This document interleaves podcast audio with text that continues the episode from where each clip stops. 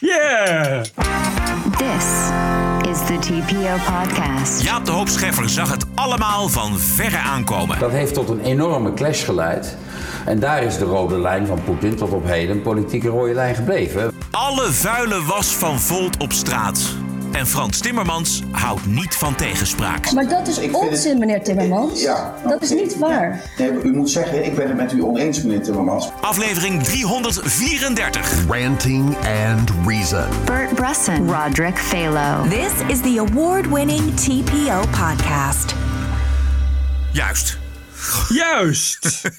Geen tegenspraak bij meneer Timmermans. nou, dat zal, het zal die inderdaad niet meer aankunnen, denk ik. Na alle jaren van eh onweersproken leiderschap. Ja, maandagavond 14 maart. Vandaag is er via Zoom onderhandeld tussen Oekraïne en Rusland. Concreet resultaat morgen verder. Ja, dat, dat doe je niet volgens mij als er, als er geen enkele ruimte, geen enkele beweging is. Of je, ja, alles kan. Ik bedoel, het kan allemaal, dat weten we wel. Maar Ja, goed. Ja, of, of morgen hebben Kiev.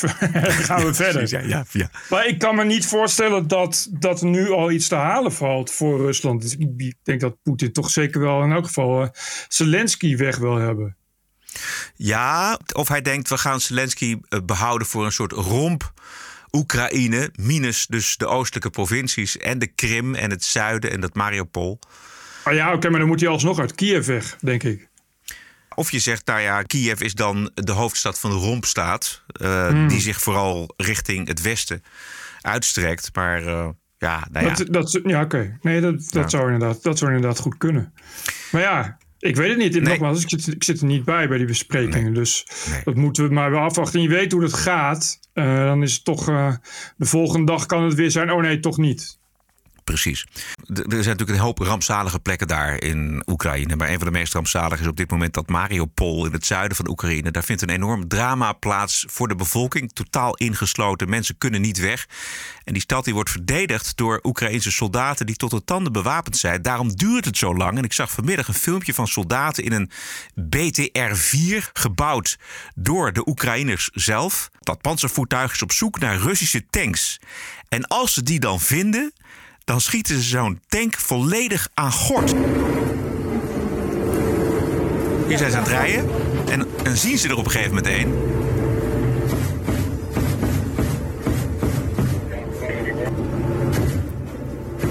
En dat, ja, die tank gaat er volledig aan. Zielig voor die mensen die tank wel. Zeker. En dan rijden ze weer door. BTS ken ik wel, maar ik zou zat te denken dat, het een, eh, dat er een eh, antitankraket op zit. Ja, dat zou heel goed kunnen. Dat Maar lijkt me wel. Ja. Dat klinkt dan weer niet zo, dus ik weet niet waar Oh. ze... eh, Maar wat mij vooral opviel was dat zij gewoon de, de, de straten afgaan op zoek naar die, die tanks, waar die, de, dan, die Russische tanks die herkenbaar zijn aan zo'n, aan zo'n teken, aan zo'n Z-teken. En Ja. dat ze daar gewoon met, met vier, vijf, zes keer schieten, zo'n hele tank aan gort schieten. Ja, maar dat is het nadeel van tanks. Als je eh, tanks zijn kwetsbaar. Eh, het probleem is dat als tank eer jou eerder ziet, ben jij kwetsbaar. Dus, maar goed, dat, dat is wel iets wat de hele tijd gebeurt. En het gebeurt nu ook met de antitankwapens, waar ze er nu heel veel van hebben. Met dank eh, aan, aan, aan eh, import van het Westen. Ja. En die, die javelins en zo. Die, eh, ja, daar kun je dus eigenlijk toch met één mannetje kun je zo'n tank uitschakelen. Ja. Om, omdat tanks, die blijven gewoon kwetsbaar. Wat je er ook, wat je er ook tegen doet. Eén keer een armor piercing eh, eh, round doorheen en je, en, je tank is, en je tank is weg. En eh, ja, met de huidige raketten is dat, is dat inderdaad een probleem. Ja. In het kader van zinnige duiding van de oorlog kwam ik het ruwe materiaal tegen van een interview met voormalig staatssecretaris-generaal, moet je zeggen, van de NAVO Jaap de Hoop Scheffer door Nieuwsuur in 2018. Dus dat is vier jaar geleden. En daarin vertelde de Hoop Scheffer hoe Poetin in het bijzijn van de NAVO zijn rode lijn trok.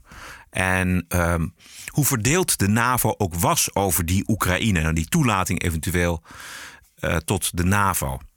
Paar fragmenten. Wat hij gezegd heeft, dat weet iedereen. Hij, hij eh, wordt gedreven door het beginsel dat het einde van de Sovjet-Unie, van de USSR, een majeure geopolitieke catastrofe was. Hè? Dat, heeft hij, dat heeft hij gezegd. En zo zit hij in elkaar. Eh, hij heeft zich natuurlijk altijd zeer krachtig verzet tegen uitbreiding van de NAVO en uitbreiding van de Europese Unie. Uh, hij vond dat wij daarmee te dicht bij hem kwamen, te dicht bij Rusland kwamen. Hij gebruikte altijd dat begrip omcirkeling. Jullie zijn mij aan het omcirkelen. Jullie moeten daarmee stoppen. Nou, dat gebeurde niet.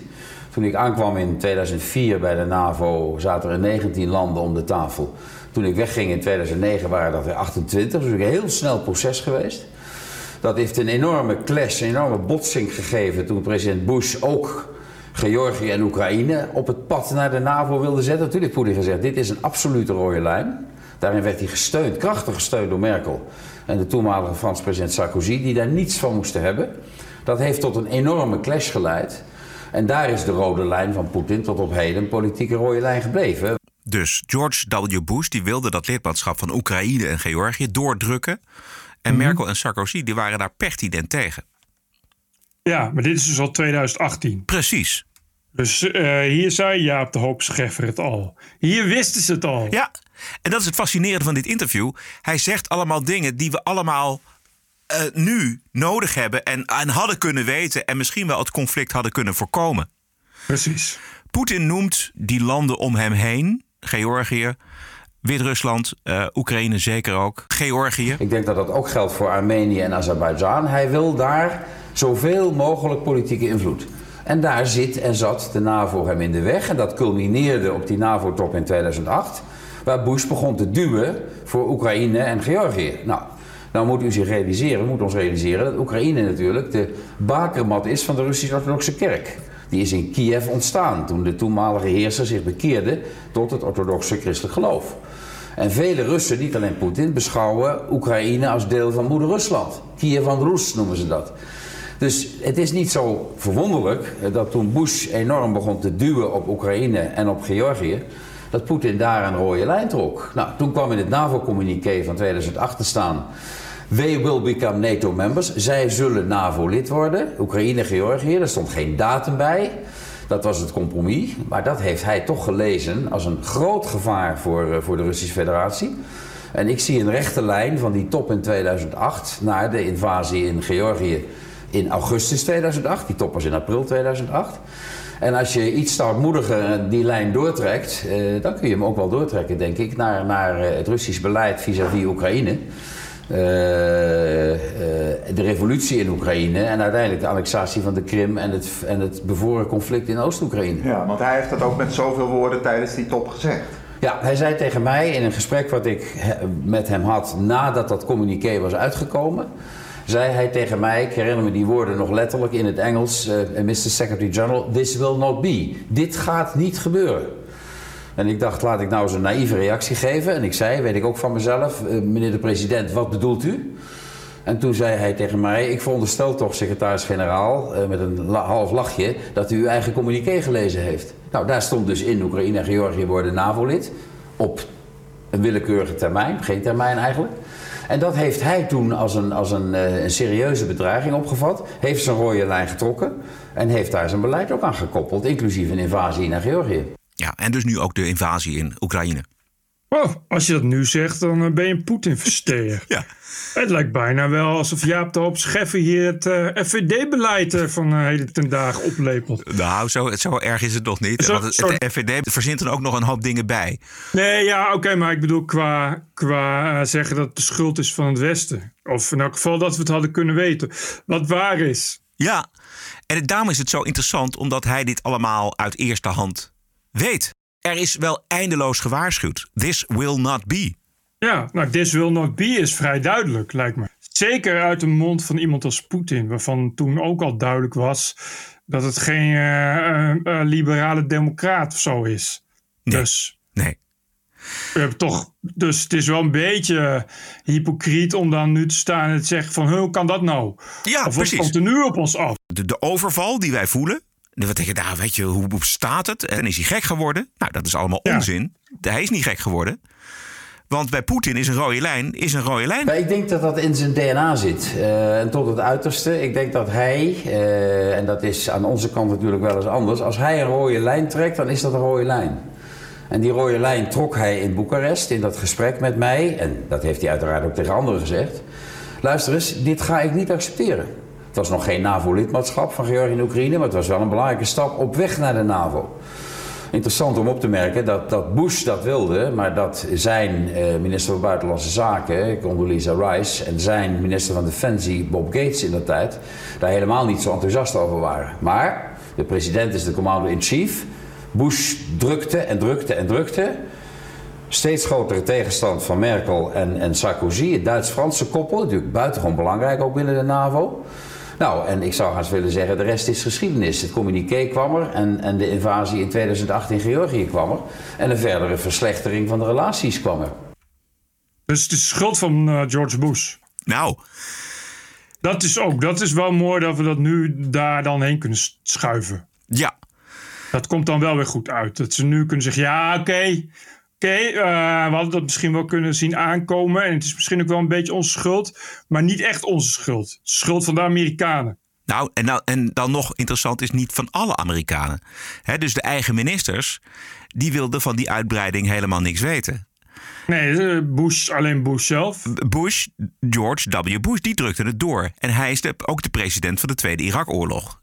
Is een man die gerekend moet worden tot de neocons, tot de Dick Cheney's, tot Juist. de John McCain's, de, de, Donald Rumsfeld. De, het expansionisme. Niet bang zijn voor oorlog, sterker aansturen op oorlog. Tony Blair. Oh. Tony oh.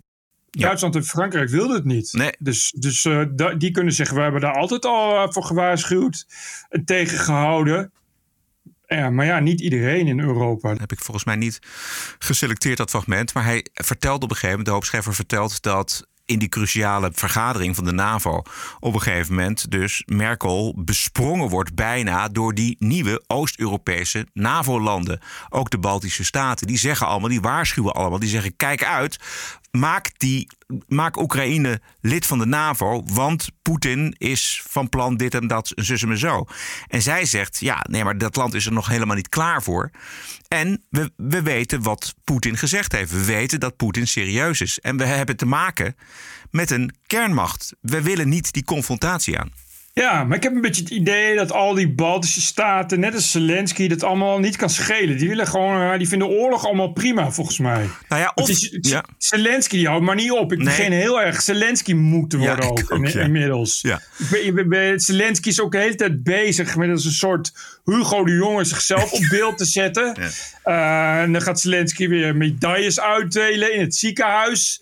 En dan wil Zelensky gaat voor de 183ste keer drammen dat hij een no-fly zone wil. Ook al heeft iedereen al gezegd nee Zelensky, er komt geen no-fly zone. Ja, hoe vaak je het ook zegt tegen Zelensky, Zelensky blijft zijn adem inhouden en stampvoeten. Net zolang tot er een no-fly zone is. En Zelensky doet niet anders dan, dan ook oorloghits. Het is wel een beetje, ik begin enorm eh, Eerste Wereldoorlog gevoel van te krijgen. Het is allemaal wel een beetje, eh, als je jong bent, moet het ineens leuk zijn om te sterven op het slagveld. Voor je land en dat soort gereutel. Vanuit zijn positie kan ik het wel voorstellen. Want hij zit natuurlijk z- zwaar in het nauw. Maar hij roept dingen die levensgevaarlijk zijn. Niet alleen voor zijn eigen land. Maar ook voor de rest van de wereld. Voor Europa. En dat komt ook volgens mij Bert. Omdat hij hier bij de Europese Commissie. Bij de Van der Leyens. Bij de Timmermansen. Zo'n held is. En niet alleen bij de eh, Europese Commissie. Ook bij de journalistiek, met name Ja. de Nederlandse journalistiek, zag ik gisteren in Buitenhof. Eh, is toch dat daar. eh, ik weet niet of je. Had je daar nog een item over? Ja, zeker. Oh, dan gaan we daar zo over, over hebben. Precies. Even nog, we, we maken even op uh, de hoopschrijver af. Ja, De vraag eventjes hoe onvoorspelbaar of juist voorspelbaar Poetin is. Ik zie wel een consistente lijn. Eh, er, zijn twee onderwerpen, en dat is ook consistentie. En ook een zekere evenwichtigheid in zijn, in zijn handelen. Hij is eh vuurbenauwd voor wat dan heet regime change, voor verandering van regime. Eh, hij is enorm geschrokken van de zogenaamde kleurenrevoluties. Hè. In Oekraïne hebben we dat gezien. Hij heeft dat in Kyrgyzstan gezien, in Centraal-Azië. Hij heeft het in Georgië gezien. Hij, hij is vuurbenauwd voor verandering van regime. Een van de redenen dat hij Assad in Syrië is gaan steunen. Hij weet wat hij heeft aan Assad.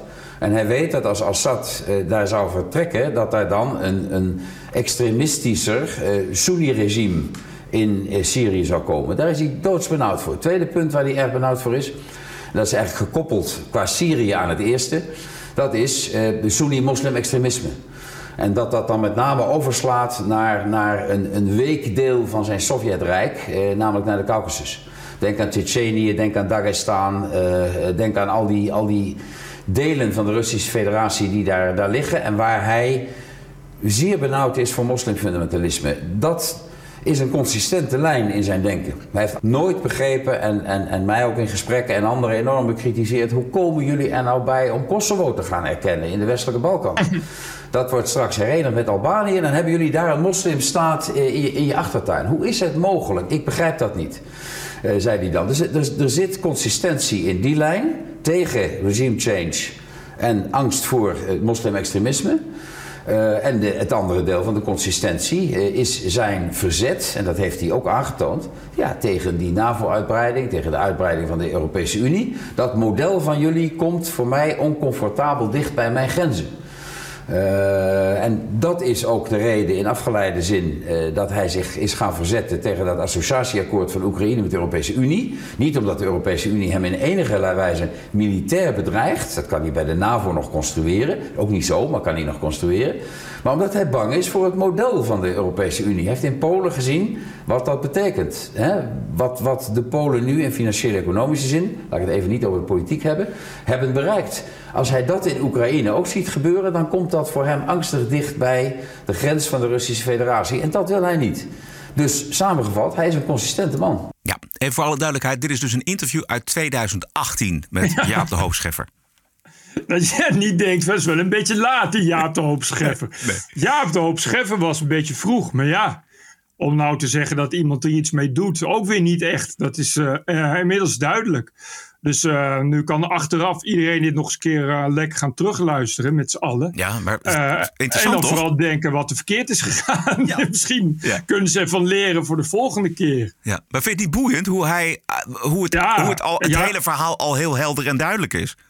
Jaap de Hoop Scheffer is daar heel, uh, heel helder in, inderdaad. Ja. En heel realistisch en scherp. Ik geloof ook niet dat Jaap de Hoop Scheffer hier inderdaad doekjes omwint. En daar toch ook wel enigszins een waarschuwende toon aanslaat hiermee. Ja. Door te zeggen van luister, ik heb ervaring en ik heb Poetin gesproken. En hij is daarin heel duidelijk geweest. Doe ermee wat je wil. Maar ja. misschien is het iets om daarover na te denken. Ja, Goed. precies. Dit is dus het moment dat, hij, dat Poetin al is uh, binnengevallen in uh, Georgië. En dat hij al uh, ja, eigenlijk die oostelijke provincies in Oekraïne ondersteunt. En dat hij de Krim heeft ingenomen. Dat is, dat is dit, dat is dit, oh ja, dit ja. moment. Ja. Laatste fragment gaat over die beroemde speech van Poetin op 10 februari 2007 op de internationale veiligheidsconferentie in München. Hij zei daar, uh, moet u goed luisteren, uh, de Russische federatie is door een moeilijke periode gegaan. De muur is gevallen, de Sovjet-Unie is beëindigd, hè? Die, die majeure geopolitieke catastrofe, zoals hij het noemde.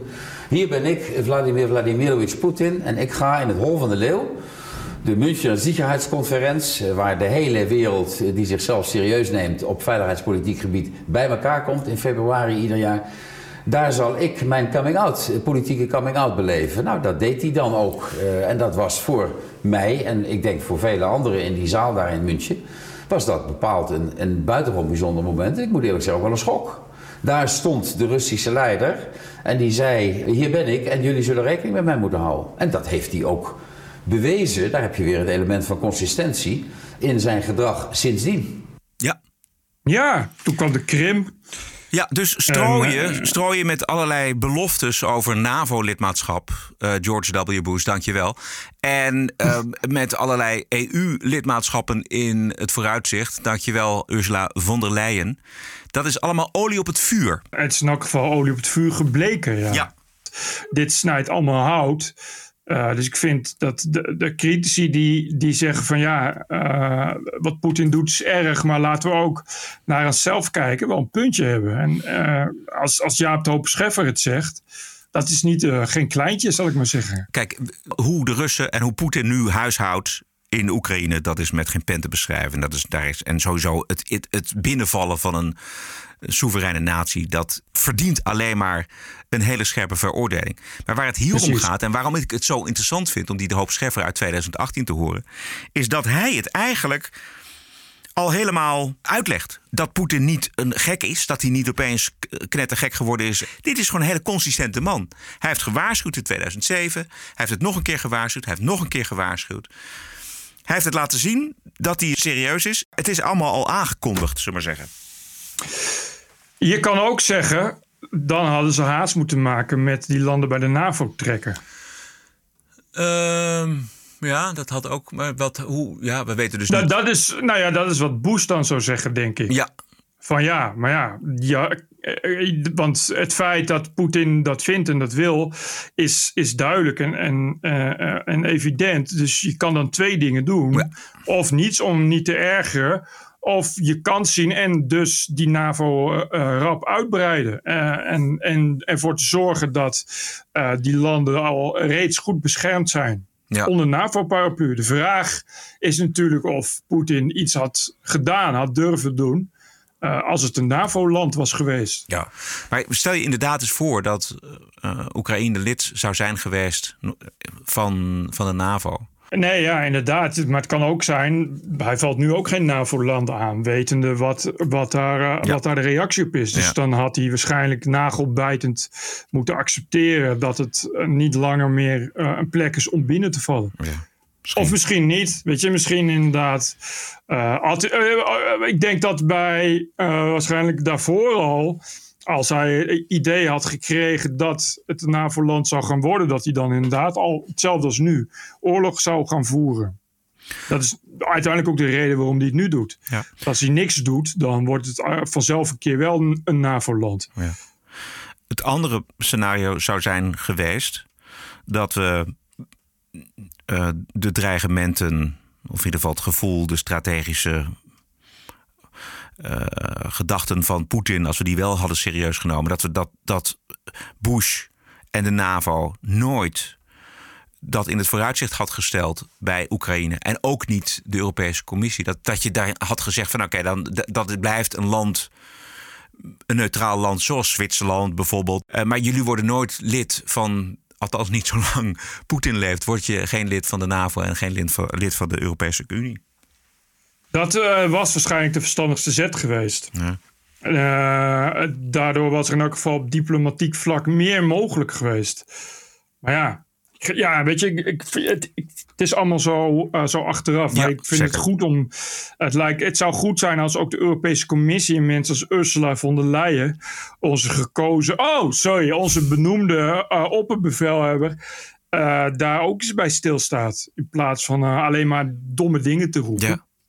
Gewoon daar eens eh, nadenkt over van, eh, ja, hoe is dat eigenlijk gelopen? Het punt is dat Poetin kernwapens heeft. Mhm. De man heeft kernwapens. Je moet je, niet, je moet je niet laten chanteren, maar je moet wel. Kernmachten die spreken met elkaar af. Dit is de rode lijn. Als je daar overheen gaat, wordt het een probleem. En dat doet de NAVO. Exact. En dat doet China waarschijnlijk. En dat doet Rusland ook. Daar moet je dus inderdaad omzichtig mee omgaan. Precies. Dat is nooit gebeurd. Nee? Mede, mede ook eh, vanwege de toch, toch wat zelf ingenomen arrogantie van de EU, denk Ja, ik. Denk ik ook. Zeker als je, dat, als je nu hoort hoe, er gestrooid wordt met lidmaatschappen richting Georgië en, en Oekraïne. Wat een waanzin Ja. dat is.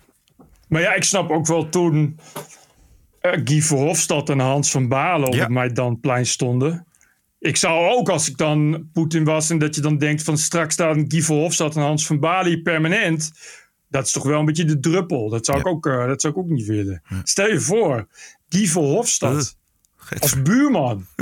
als achterbuurman. Elke dag een oekase. Over vol met allemaal moralistische shit.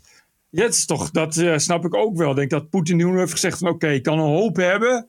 Maar ik, ik heb nog liever kernwapens van de NAVO in de Oekraïne dan, eh dan Guy Verhofstadt en Hans van Balen. Nou ben ik het zat, dat begrijp ik wel. Ik denk dat het toen allemaal begonnen is. En Hans van Balen is niet meer. Nee. Dus het is allemaal de schuld van Guy Verhofstadt. Eh, zondag hadden we het interview met de Russische ambassadeur in Nederland, Alexander Shulgin, bij Buitenhof. Nou, interview, interview, interview, interview. Interviewster, interviewster was Maaike Schoon. Leidde tot veel discussie op Twitter of het nou een goed of een slecht interview was. Ehm, ja, ik denk dat het ook een kwestie van smaak is. Wat mij betreft, maar ik ben ook benieuwd wat jij ervan vindt. Maar eh, zat wat mij betreft de, de ambassadeur wel iets vaker mogen laten uitspreken. Ja, dat is op zijn Maar, maar het is ook bij iemand die als megafoon van Poetin aan tafel komt zitten. Wat mij betreft ook prima om die man strak te houden. Je, je, het gaat niet om strak houden, maar het is, ik vond het een uh, emotioneel incontinent uh, gejammer. Ik, ik, wat, het ging meteen ook over, uh, over arme kindertjes en beelden die verder daar uit, out of context waren.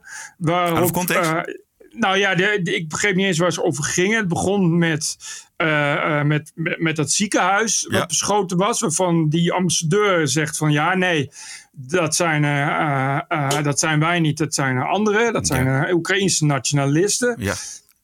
Nou, ik weet niet verder hoe, hoeveel bewijzen daarvoor zijn. Maar als daar bewijzen voor zijn, dan had interviews ja. dat moeten weten. Dan had ze moeten zeggen, nou, ik heb bewijzen dat het wel degelijk door Russen is gegaan. En vervolgens liet ze, zei ze, ja, we gaan andere beelden laten zien. Het zag gewoon wat beelden van, van willekeurige beelden van in Oekraïne. Mhm. Met vooral veel huilende kinderen. En ik denk van ja, dan krijg je dat is telkens dat, dat emotiegelul. Ja. Terwijl, ja, hou je gewoon...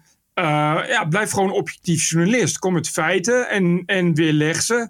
En je mag die man best kort houden. Want natuurlijk is het iemand die uh, bedreven is. Daar wordt je ook voor betaald. Om, om, om jou een of ander narratief aan te smeren. Uh, als het dan met ge gepaard gaat met nepnieuws en desinformatie, dat is ook zijn beroep. Dus tuurlijk is het goed als je hem daarop betrapt. Maar het is meteen zo moralistisch. Ik vond dat terecht, want dat is een boel. Je kunt eindeloos praten met iemand over de tactiek en over wat waar en wat niet waar is. Um, maar dit is natuurlijk wel wat er gaande is in dat, in dat land. Het land wordt gewoon helemaal kapot geschoten door de Russen. Ja, natuurlijk zegt hij dat het de andere partij is. Dat weet, dat weet ik ook wel en dat weet zij ook wel. Dus dan vind ik het prima om daar dan uh, tegen in te gaan. Laten we even naar dat begin, inderdaad, waar jij het over had. Laten we even naar het begin luisteren. We saw this picture of uh, pregnant women, uh, maternity ward in Mariupol. These are all actors. On front pages, uh, New York Times and uh, other media. Well, actually, this is only one woman. She is featured here, rushing down the stairwell. Here she changed clothes and uh, she has been brought on this stretcher. But you're showing this to me, but if you have any real evidence yes, that is not is real as evidence. been stated, why did you show it to me? This- I'm just a journalist in the Netherlands. Why don't you show it to the no, United but, Nations? yes, it, it has been shown. It has been And shown. do they believe you? The list of them is a bloody comedian. How much did you get paid? so it's a very. If it's all fake, Mr. Shulgin, how do those bodies get there? Are they all actors? It's all a conspiracy?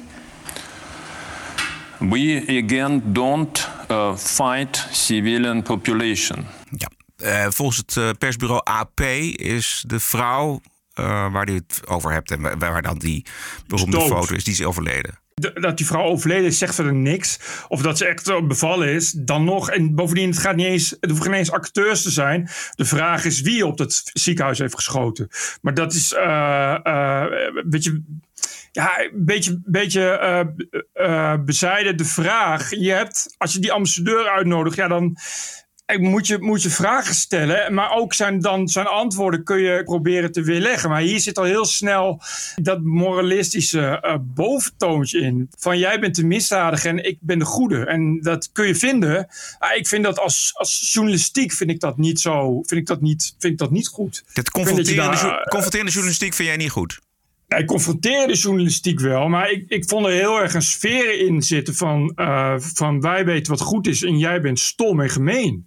En, ja, en kijk, ik, ah- ik, vind het erg, ik vond het erg eh, op de emotie gezeten. En Ja. dat is iets wat, wat, wat, wat in bij, eh, ja, bij de, bij de huh, hoe heet het, Joegoslavië-oorlog ook zo was.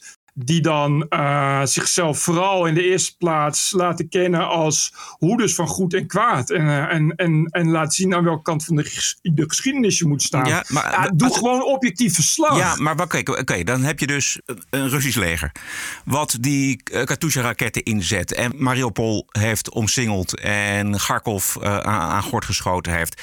Daar zijn genoeg journalisten eh, die dat allemaal gezien hebben. Die daarover berichten in media eh, die te vertrouwen zijn, laat het maar zo zeggen. En dan, waarom zou je daar de Russische ambassadeur niet mee confronteren? Lijkt dat, is, prima. dat, nee, dat is oké. Maar Maar dat is wat ik- zij doet. Da- dat is in elk geval wat, je- wat je net in dit stukje hoorde. Maar ik vond er ook fragmenten in zitten. En dat is ook waar, waar iedereen tegen de hoop loopt. Dat is wel erg. eh, ja, ik vond het erg emotioneel gestuurd. Mhm. En ik vind emotie niet bij, bij dat soort journalistiek passen eigenlijk. En ik vond het erg, wel erg eh eh, heksieachtig. Ja, n- nodig hem dan niet uit. Maar dit- eh, en dat is, dat is ook zoiets, ja. Eh, heb je het bewijs aan de Verenigde Naties laten zien? Nou, hij zegt dus ja. Hij zegt dus ja. Maar ja, hij, hij zit nu daar. Hij zit nu bij jou. Dus dat is de reden waarom hij het niet aan de Verenigde Naties laat zien, maar aan jou, omdat jij hem hebt uitgenodigd. Dus als hij daarmee komt, weer leg zijn bewijs dan. Maar dat is, en daar wordt het lastig, ook omdat je krijgt van ja, eh, wij weten dat het waar is. En hij zegt van niet. Eh, hij zegt van nou, het is niet waar. En dan, je kan niet zomaar bewijzen dat het wel waar is. Waarom denk je dat het waar is? Ja, omdat wij nou eenmaal journalisten hebben die dat zeggen. Waarom zouden we die journalisten wantrouwen? Ja, dan zegt hij van ja, ik wantrouw alle westerse journalisten. Wat is het punt? En dat is een probleem wat je, wat je op dat moment dus hebt. En waar je dus niet zoveel mee kan. Nee, en dat, dat is iets waar je, wat je van tevoren dus moet weten hoe je gaat opstellen. En dat Ja. zal zij ongetwijfeld gedaan hebben, zeker met die redactie. Maar ik denk dat iemand anders, iemand als Twan Huis met meer Dat interviewervaring denk ik ook. had dat anders gedaan. En die had zich ook niet zo laten boos maken eigenlijk. Want dat zag je inderdaad exact. wel aan haar gezicht, dat ze heel erg boos was. En die emotie is er, want kapotgeschoten kinderen en uh, ziekenhuizen die kapot worden geschoten, et cetera, et cetera. Ja, het is oorlog. Ja, dan moet je niet, niet de journalistiek ingaan als je dat allemaal zo erg vindt. Nee, het gaat niet om dat het je erg is. Het gaat niet om dat, het, dat je het erg vindt. Het is, volgens mij is het erg als er een, een ziekenhuis aan gort wordt geschoten. En dat is altijd erg. Ja, is altijd erg. En dat burgers de dupe zijn van deze oorlog. Dat is altijd Ja. erg. Nou, dat, dat, Ja. dat kun je toch gewoon ook erkennen dat dat erg is? Ja, maar wil je dat ook, is het, wil je dat, ook dat, dat, eh, dat, je, dat je journaal lezen dat laat blijken? Eh, tussendoor zegt van wat erg. Ik vond dat dan te weinig objectiviteit eh, in, in doorstromen. En eh, ik was bang dat ze zou plotseling zou veranderen in Rachel Maddow bijvoorbeeld. En ik dacht, nou, dat wordt dan, maar dat gebeurde dan niet. Of Eva Jinek, als je het over vaak huilen hebt, de journalistiek. Eva Jinek, wat een natte krant is dat, zeg. Wat ik bedoel te zeggen is. Eh, ja, ik snap dat je niet kritisch genoeg kunt zijn op de, op de Russische ambassadeur. Die zal altijd komen met bedriegelijke propaganda. Dus het is heel goed dat je dat probeert door te prikken. Maar tegelijkertijd vind ik dat je zo moet proberen zo ver mogelijk weg te blijven van, ja, van, van emotie. Ja, eh, ja, het is erg. Maar het, maar het, het is altijd erg als er eh, ja, een kinderziekenhuis kapot wordt geschoten. En Ja. ja, dan, dan moet je daar eh, met, met een gezond verstand serieus mee omgaan. Ja, en toch vind ik dat je die vragen wel mag stellen. Want eh, uit, hij werkt voor Rusland. Hij werkt voor, voor Poetin. En, Mhm, Nee, en- nee, de vragen zijn ook niet... Die Nee, vind ik nee, wel nee, oké. Oké, dus die vraag, je mag, je mag dat stellen. Maar inderdaad, dat gelijk, gelijkhebberige, dat heeft niet zoveel zin. Omdat hij altijd natuurlijk een ander antwoord geeft dan je zou willen. Maar eh, precies. de vragen moet je, moet je gewoon stellen. Want uit zijn naam, eh, feitelijk, eh, zien we wat er gebeurt in, in dat land. Eens. Natuurlijk moet je die vraag kunnen stellen. Dat is ook goed. Je kan je wel afvragen in, hoe, in hoeverre je een vraag kunt, kunt stellen. als je al weet dat welk antwoord op gaat komen waar je niet zoveel mee kan. Dan wordt het dus inderdaad jouw woord tegen het zijne. En, en daar zit je als kijker dan een beetje tussenin. Maar er is alle reden natuurlijk om die man uit te nodigen. Het was sowieso geweldig dat hij kwam. Hè? Dat, ja, dat, ik- dat, vond vind ik sowieso Ja. voor hem spreken ook. Ja, zeker. Maar hoe, hoe had het dan gemoeten? Welk beter interview had er dan uit kunnen komen? in elk geval dus minder emotioneel gelaagd. En in elk geval met een interview die minder ook blijk geeft van, van die emoties. Omdat ja, je krijgt toch een beetje het idee dat ze na afloop Saïa hem gaat weigeren hand te geven. Weet je wel, dat gevoel. En dat geeft toch een beetje... Ja, Hij blijft zijn eigen verhaal afdraaien. Dat, daar eh, Ja. verander je helemaal niks aan. En toch wil je de werkelijkheid, voor zover die werkelijkheid te verifiëren is. En zoals nou ja, wij, die, wij die krijgen van redelijk betrouwbare nieuwsorganisaties. Die wil je voorleggen aan hem. Maar hij zal altijd zeggen: nee, het klopt niet, want eh, het zijn acteurs, om maar wat te noemen. en, en, maar dat is dus een probleem. Ja, precies. En- dus hoe, ga je dan, hoe doe je dat interview Nou, je- dan? Ja, nou, nou, dan is dus de vraag of je dat interview wel moet doen. Dat is dus wat ik zeg. Dan zou je moeten selecteren van ja, mensen die iets zinnigs te zeggen hebben, die gaan we uitnodigen. Terwijl deze man misschien niks zinnigs te zeggen heeft, maar hij is wel een hele belangrijke pion in de oorlog die zich nu uh, afspeelt in Europa. Nou ja, ik, ik, ik, ja, ik heb er ook geen antwoord op hoe het interview dan wel moet zijn. Maar ik, ik ja. Uh, uh, ik, ik weet het ook niet. Misschien dus, het enige wat ik kan bedenken, uh, is daar een, een, een meer ervaren journalist of, of een meer zwaarder gewicht. Ja. En, en uh, misschien hadden ze Sven Kokkelman moeten vragen. Nog even een ander moment uit dat interview. Als er verwezen wordt naar een ander interview met hem in Nieuwsuur over de soevereiniteit van Oekraïne. In hoeverre is Oekraïne een zelfstandig land dat zijn eigen besluiten mag nemen? A few weeks ago you were in the Dutch TV show Nieuwsuur. And you said the following. It's a very short clip. Let's have a look. Do you regard Ukraine a sovereign country? Yes, it is. So it's a sovereign country, yet you're bombing it, your country is bombing and invading it. Why? Well, actually, not a completely sovereign country because uh, this country oh, there is. There are nuances in how sovereign you yes, can be, apparently. Yes. Uh, degree, and it's up to Russia to decide exactly how because, sovereign you this are. is the country which is placed under external uh, management. And uh, it's quite clear that uh, Kiev regime uh, does not take decisions without previous consultations with uh, uh, Washington, uh, with uh, the. And they're not allowed to do that, in your view. If they are truly sovereign, I mean, they're, they're allowed no, to do they, anything they want. they are sovereign partially, but most important decisions have been dictated by their American protectors. Ja, het is moeilijk. Ja, de, dat, die, die, dat van die soevereiniteit in Nieuwsuur was niet zijn slimste tekst, geloof ik, uh, die hij nee. ooit heeft gezegd. Nee, nee. Ja, hij herstelde het dus door te zeggen: ja, ze zijn niet helemaal soeverein, want ze worden eigenlijk bestuurd ja, door de Verenigde Staten. Ja. ja, ze zijn wel soeverein, maar anders soeverein. Ja. Maar daar, goed, daar kom je inderdaad niet meer weg. En dat is, natuurlijk, dat is natuurlijk heel goed. Maar hier hoor je ook weer dat zij breekt zo vaak in. dat is waar. Dat het, dat het uh, en dat, weet je, het is, ik vond, het is een beetje te gretig lijkt het. Ja. Oké. Okay. We hebben er alles over gezegd. Ja, en anders de rest van de wereld wel. Dus precies, dat precies, precies. We gaan uh, naar de binnenlandse politiek. This is the TPO podcast. Dat seksueel en anderszins overschrijdend gedrag niet het exclusieve terrein van mannen is, dat bewijst Volt Tweede Kamerlid Gundogan. Zeg maar de Jeroen Rietbergen van het Binnenhof. Maar dan de, de, vrouw. Dertien mensen met uh, klachten over het Tweede Kamerlid Gundogan. Vijf daarvan staan vandaag met hun verhaal in NRC Handelsblad. Wat een verhaal, Bert.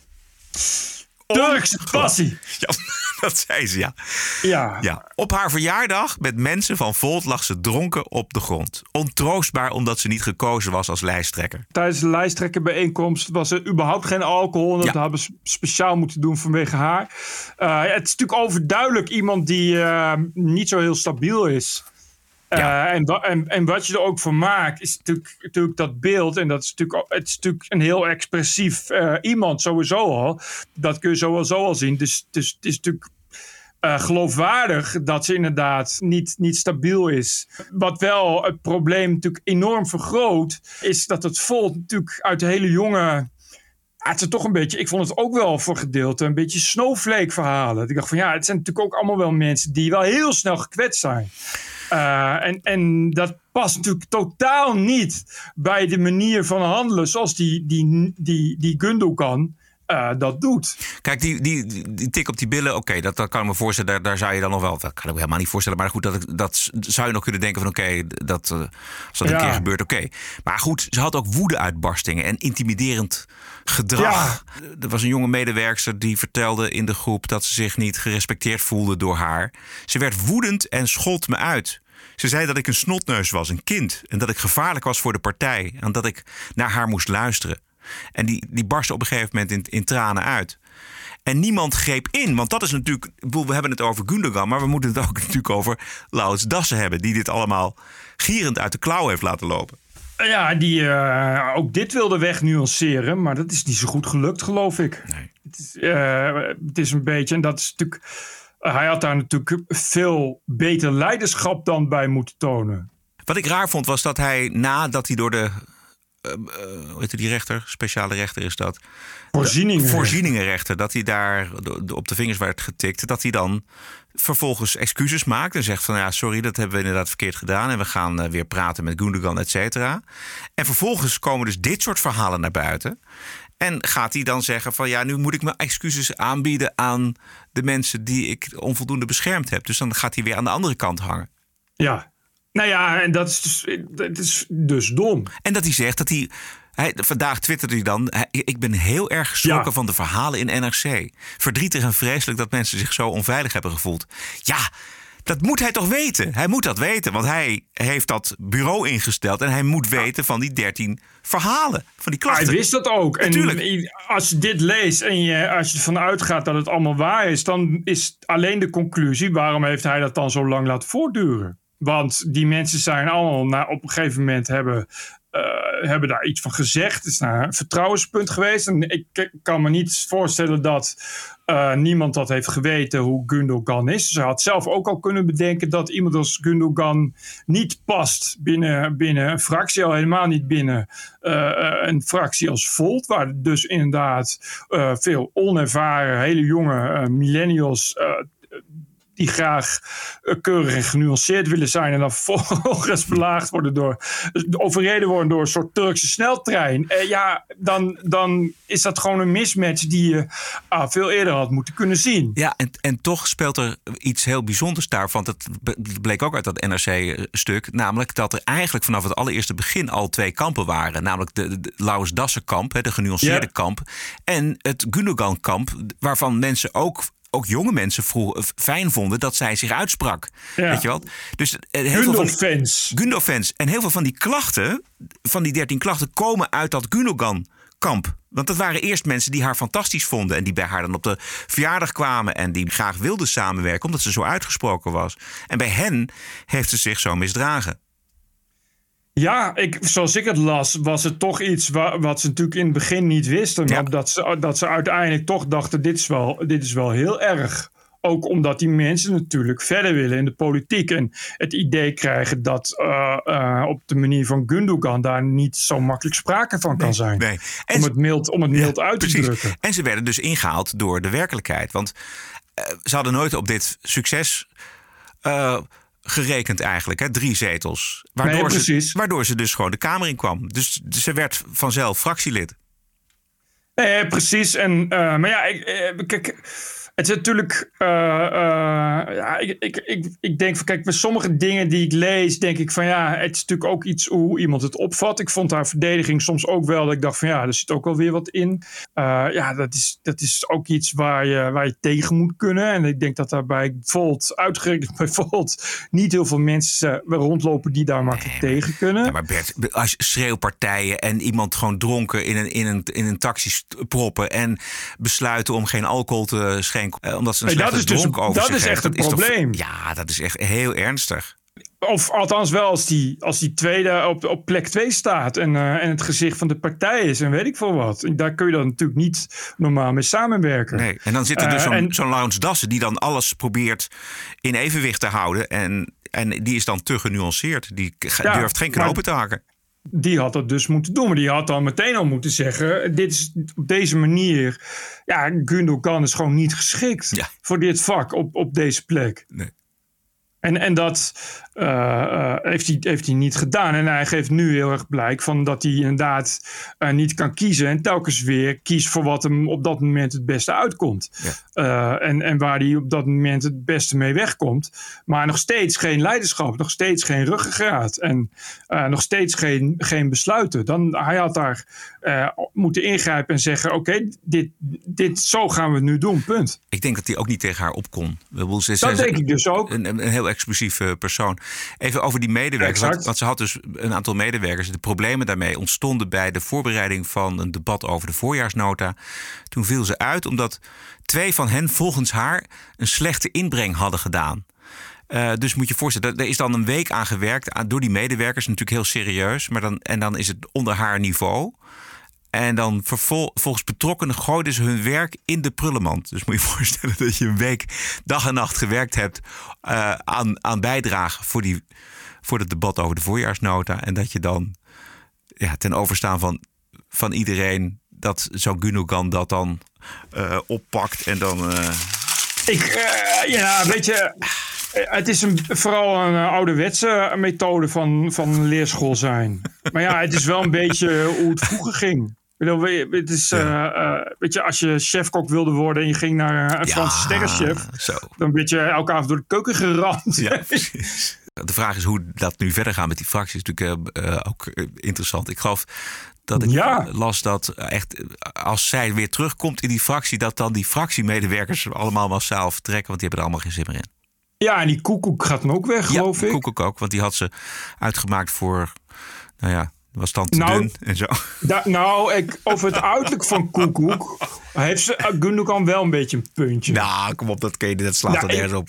Nee, wel. Dit is, je kan wel het is een beetje representatief. Kan toch ook wel als je, als je eh, een, een hooggeplaatst Kamerlid bent. Het Ik weet niet eens hoe ze eruit ziet. Ik, zal, ik ga even kijken. Nou, flats en ongewassen dus. Oh ja, met, joh. met te grote kleding uit de zak van Max. Weet je, dus dat is wel... Dat snap ik dan wel weer dat Gundogan zegt, ga eens douchen. Het is wel iemand die Maar als niet je waar ziet, iedereen bij van, is, Bert. Dat kun je niet maken. Ga eens douchen. Dat kan je niet doen als, als iedereen daarbij is. Dat, dat, En volgens mij was niet iedereen erbij. Oh, oké. Het was dus, dus onderling. Een- Oh, ja, ik zie het, ja. Ja. Nee. Ja. Nee, maar dit is een echt volt, een volt meisje is dit. Nee, ja, is het zo? Ja, zeker een volt meisje. Maar goed, ze had ook tegen, een, dan homo- ook. tegen een homoseksueel, het bleef ze ook maar meid zeggen. Het, het gaat niet zo goed eh, met Volt in de peilingen, dat zult u begrijpen. Eh, we hebben gemeenteraadsverkiezingen deze week. De Partij van de Arbeid die haalt alles en iedereen uit de kast om een beetje te scoren bij die gemeenteraadsverkiezingen. Het schijnt erg goed te gaan hier in Amsterdam. Op een bijeenkomst in Amsterdam afgelopen vrijdag was Frans Timmermans erg. En hij werd geconfronteerd met de anti-biomassa-activiste en oud-GroenLinks-politica Fenna Zwart. En zij stelde een eh, terechte vraag, gezien de gaskrapte en de prijs van gas. Namelijk, wordt er straks vol overgeschakeld op houtige biomassa. Ondanks de vervuiling en de gigantische CO2-uitstoot van biomassa. Uh, afgelopen zomer uh, hebben we u bezocht in Brussel met een oproep namens meer dan 250.000 Europeanen. Met oproep om biomassa uit de red te halen. Ja, de RED, dat is het certificaat voor duurzame energie. Als je kijkt naar de feitelijke CO2-uitstoot van massale houtverbranding, is het krankzinnig dat biomassa dat certificaat heeft behouden. Dankzij Timmermans. Helaas heeft u daar niet naar geluisterd. Want in het voorstel dat u heeft gepresenteerd voor de gereviseerde red, heeft u het opnieuw opgenomen. Op dit moment zien wij nog steeds de bulk carriers uit Estland, uit Rusland, twee keer per maand naar Rotterdam varen. Aan boord miljoenen tonnen aan hout. Dat moet per onmiddellijk stoppen. Want u weet ook dat houtige biomassa is ontzettend vervuilend. Mijn vraag is, hoe gaat u ervoor zorgen dat nu we heel snel van het gas af moeten, hoe gaat u voorkomen dat we niet één op één overstappen op die houtige biomassa? Ofwel, gaat u daarmee stoppen met die houtige, biomassa? Nee, nee, daar gaan we niet meer stoppen. Uh, we gaan er wel voor zorgen dat er niet hele bossen worden omgehakt om dan in kleine stukjes hier in de uh, verbrander te verwerken. Dat moeten we wel doen. Daar heeft u een punt. Dat het was zo interessant uh, voor landen die het moeilijk hebben om net te doen alsof ze allemaal uh, kleine stukjes hout aanleverden, terwijl ze eerst hele bossen omhakten, om dat vervolgens die bomen in kleine stukjes aan ons aan te leveren. Dus? Daar moeten we iets tegen doen, dat moeten we stoppen. Maar wij kunnen onze klimaatdoelstellingen niet halen zonder biomassa. Het moet wel de juiste biomassa Maar dat is dus onzin, het... meneer Timmermans. Ja, nou, dat is niet waar. Nee, u moet zeggen, ik ben het met u oneens, meneer Timmermans, maar dan hoeft het nog geen onzin te zijn. De arrogantie. u moet zeggen, ik ben het met u oneens, meneer Timmermans. Er is nog geen onzin. Als Timmermans iets zegt, kan het natuurlijk onmogelijk onzin zijn. Dat de, begrijp je. De man weet, weet het niet of hij doet alsof hij het niet weet. Duurzame biomassa is een administratieve truc van Brussel dat een uh, gekapte of een verbrande boom CO2-neutraal is als je hem ook weer uh, daarnaast zeg maar een boom laat groeien. Maar een boom laten groeien duurt 30 jaar en een boom verbranden ja. duurt 30 minuten. Hij heeft dat ondertekend en hij kan niet meer terug omdat Nederland voor 70% Precies. duurzame energie is biomassa. Is te weinig afval houdt om, om, om die 70% te voorzien. Precies. Dus het blijft een probleem. En je hoort hem daar niks over zeggen. Je hoort ook zeggen uh, meteen nee, dat gaan we niet doen. Ja. Oftewel, we zitten er al aan vast. Ik, want eh, zelfs als hij wil, kan hij daar dus niks tegen doen. Want we zitten daar al aan vast. Want anders kunnen we onze klimaatdoelstellingen niet halen. Ja, en daar, daar zit de crux.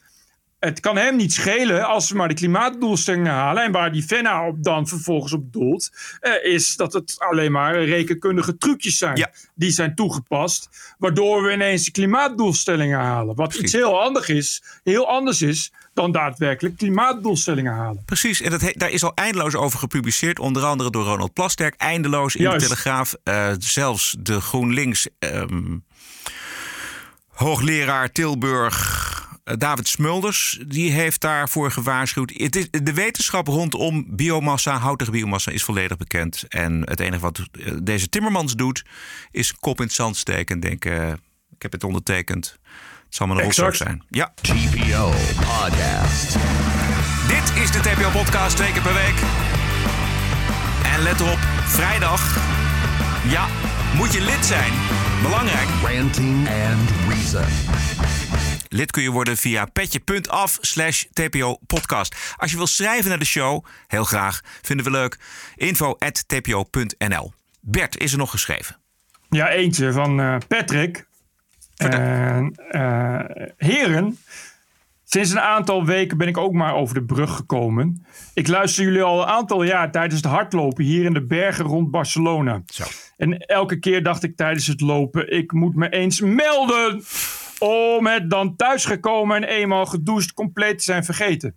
Uiteindelijk moest ik wel toen de vrijdag achter de muur verdween. Ik was even ontstemd toen bleek dat Spotify niet ondersteund werd. Maar ik heb op de Android inmiddels het gratis Pocketcast gevonden. Wat eigenlijk ook nog veel beter werkt.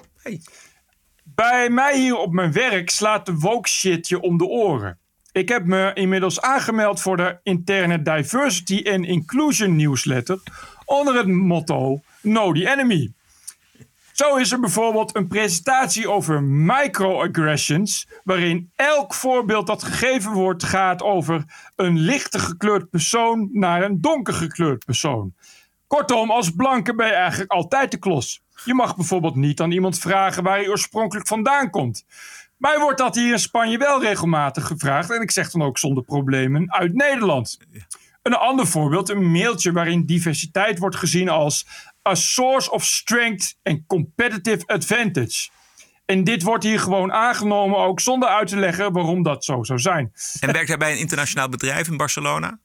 Dat eh, zit, staat er niet bij. Ik heb geen idee waar die, waar die werkt. Dus, maar dat zal, eh, het Ja, zal dat zal vast wel. Ja, precies. Want er zijn- Oh ja, het is een, eh, een, eh, bekende, een bekende farmaceut. Oké, goed zo. Ja, dat wordt allemaal van, vanuit Amerika wordt het allemaal gestuurd richting Europa. Al die bedrijven, al die in- multinationals, die, die moeten eraan geloven. Al die mensen die daar werken.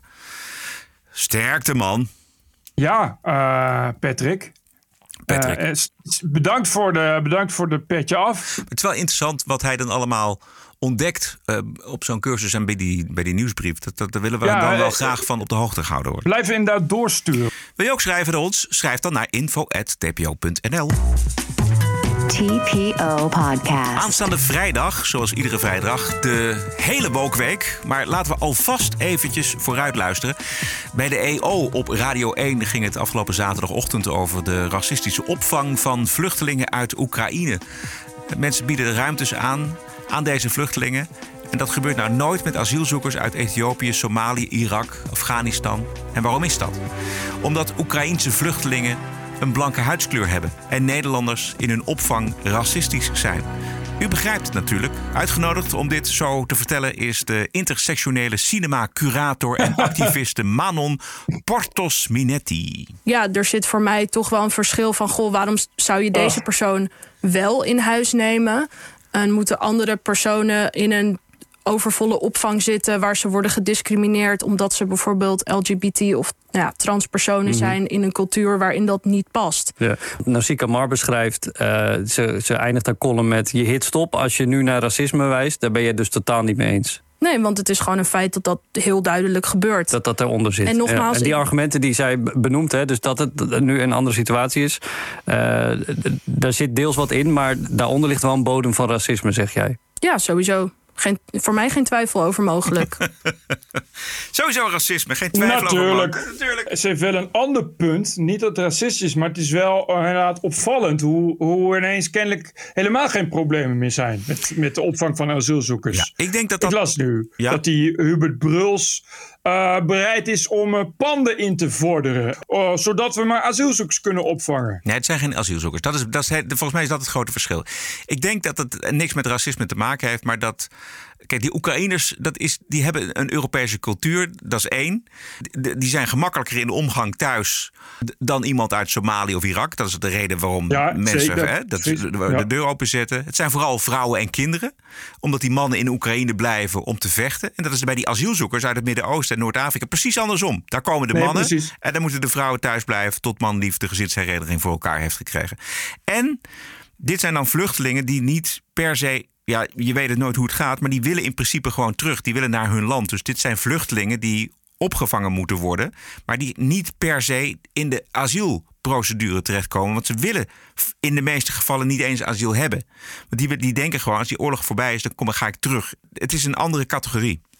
Nee, duidelijk, duidelijk. Maar de problemen zijn er niet minder om. Ik bedoel, we hadden Oh, nee, hiervoor, voor de Oekraïne-stroom, eh, eh, al moeite met, met, met elke extra ongedocumenteerde asielzoeker die naar eh eh, Te Apel kwam. Mhm. Weet je, dat barst uit zijn voegen. En nu ineens zeggen, hoppakee, 50.000 Oekraïners gaan we opnemen en het is allemaal geen enkel probleem. En dat is toch raar? Nou, ik kan het, ik kan het dus uit. Dat heeft, dat heeft dus te maken met die, dat die mensen niet de asielprocedure ingaan. Dat was natuurlijk het grote probleem van Ter Apel. Jawel, maar ze hebben toch woonruimte nodig? Ja, oké, tuurlijk. Dat, dat- maar ja, dat, dat kan dan blijkbaar wel onmiddellijk worden uh, Ja, nu wel. Dus als andere vluchtelingen het nodig hebben, dan, dan eh, niet, maar nu ineens wel. Dat is toch raar dan? Wat de grootste ophoping is, is die asielprocedure. Dat is het grote probleem. En dan kun je wel, Eh, kun je wel eindeloos bij, bijbouwen met ruimtes voor asielzoekers. Maar dat, dat lost de behandeling van die mensen niet op. Zeker, zeker. Maar Dus- ja, eh, eh, als er ineens 50.000 Oekraïners voor je deur staan, waar moet je ze laten dan? Ja, dan moet je iets. Dus je moet, dan, moet je de, ja, dan moet je bouwen. Dan moet je. eh, ja, Oké, nee, en, maar goed, en, en zo- zo'n meisje als net, die zegt dan van ja, maar dat, Dat is racisme, zeggen ze. Nou ja, dat is, ik, ik vind het dus geen racisme. Dat is dus, vind ik dus inderdaad wel heel woke gesteld. Maar ik begrijp wel een beetje het punt van... eh, zijn andere, moet dat voor andere mensen niet dan? Weet je wel, als er andere mensen, vluchtelingenstromen komen eh, in een oorlog... dan eh, zeggen van ja, sorry, we hebben geen ruimte. Door, ja, op is op, vol is vol. Weet je, eh, en dan, geeft het idee dat er kennelijk verschillende soorten mensen zijn. Dat als ze maar dan, nou, nu uit de Oekraïne, als we daar maar dichtbij genoeg staan. Als het, is geen oorlog in Afrika, maar, maar op eh, nou, autorit eh, afstand aan de grens met Polen. Dan lijkt het erop dat we ineens zeggen, oh, dan, dan maken we alles vrij. Ja. Ja, het is wel ook onze regio natuurlijk. Ik bedoel, het is meer onze regio dan Syrië, Irak, eh, Afghanistan. Hoewel daar ook weer anders over wordt gedacht. Bijvoorbeeld door de wetenschapper, professor Leo Lucassen. Vanochtend eh, eh, op teletext. één boot omgeslagen voor de kust van Libië. Twintig mensen verdronken. Dat, is, nou, dat wordt als voor kennisgeving aangenomen. En dit is natuurlijk een voorbeeld van, laat ik zeggen, eh, eh, meer dan 20.000 mensen die zijn verdronken in de Middellandse Zee in, de, in het afgelopen decennium. Ehm, daar wordt, eh, heeft Europa een hele andere houding. Is waar men bij de Oekraïners als een derde land zegt van nou open check, hè, drie jaar lang iedereen mag komen. Is dat bij Syrië, ehm, en maar ook Afghanistan, wat eigenlijk heel vergelijkbare situatie. Daar is juist het tegenovergestelde ge- eh, gezegd, namelijk we willen eigenlijk niemand hebben en ehm, de regio moet het maar oplossen. Ja, zo heel veel verder ligt Syrië nou ook weer niet. Nee, Syrië ligt eigenlijk gewoon naast Oekraïne. Nou ja, ik, ik, het spijt me heel erg. Ik vind hem wel eh, dat hij daar een puntje heeft. Dat is, dat is, ik, het Maar is, wat dan? Het getuigt, nou ja, het getuigt wel een beetje van hypocrisie. Van nu willen we, nu zeggen we ineens van, ah oké, nee, kom maar binnen. Weet je, en dit is wat hij, wat hij zegt, klopt natuurlijk. We willen helemaal niemand uit Syrië het liefste. We willen helemaal niemand, eh, eh, vluchtelingen op een bootje uit Libië. Maar inderdaad, ja, natuurlijk eh, eh, is, is, is het. eh, waar Oekraïne ligt en waar Syrië ligt een verschil, maar ook weer niet zo heel ver. Daar heeft hij wel een beetje gelijk in. Dus je gaat toch denken, hoe kan het dat we daar, dat we daar nu ineens geen moeite mee Omdat hebben? we niet de hele wereld kunnen opvangen. Laten we daar dan eerlijk over zijn. Dat, we kunnen dat niet. En dat weet, je kunt ook niet zomaar eh, eh, asiel krijgen, automatisch, in, eh, in Europa. Frontex is er niet voor niks. Ik bedoel, er wordt wel degelijk geselecteerd. Sommige mensen die, die komen niet in aanmerking. Bijvoorbeeld de mensen uit, uit Algerije en, en Tunesië en Marokko. Dus die moeten dan officieel weer terug. Dat is niet gaan, dat is een tweede. Er is niet zoiets als Europa. Voor Europa is plaats in, voor iedereen. En als er Nee, nu klopt. in Europa een, een oorlog en een vluchtelingenstroom eh, op gang komt... Van, van, wat is het nu, 2,5 miljoen mensen...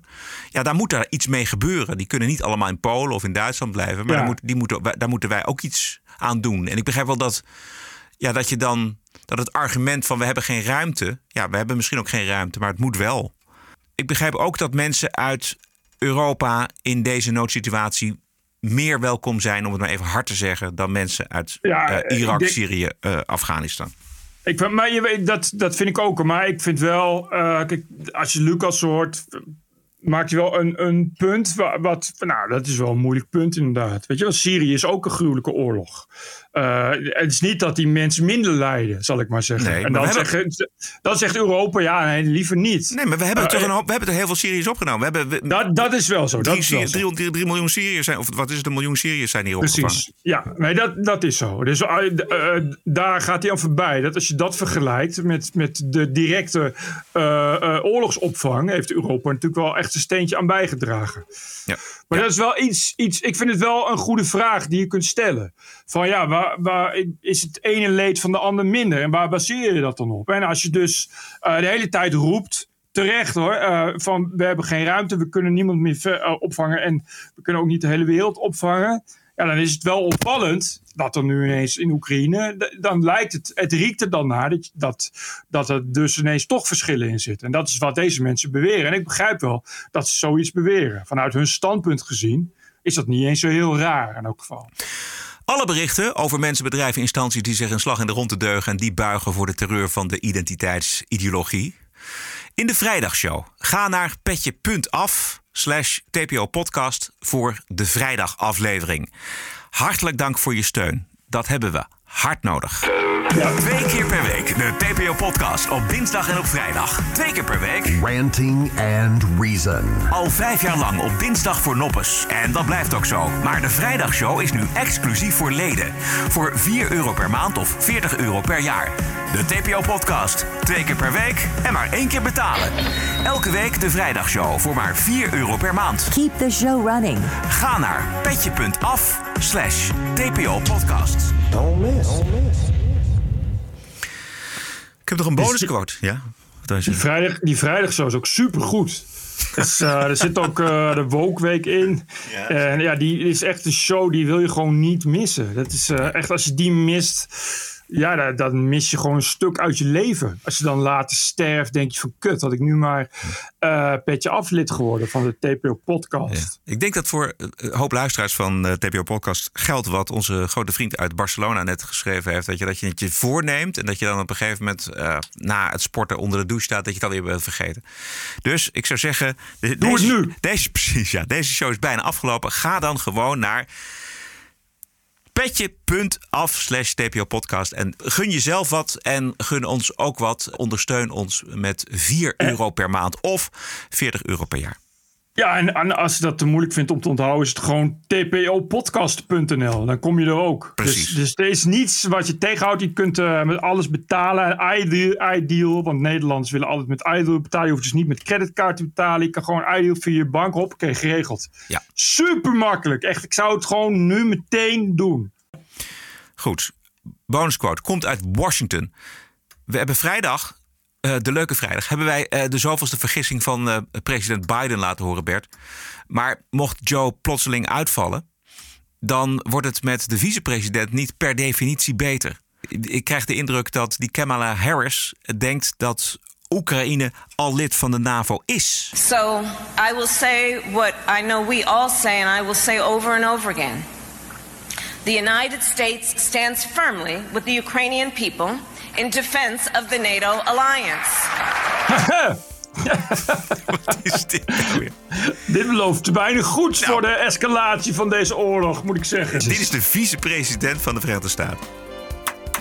Dit is, eh, ik zou, Poetin zal eh, dit leuk vinden, denk ik. Ja, laten we hopen dat, dat eh, Biden het nog eventjes volhoudt.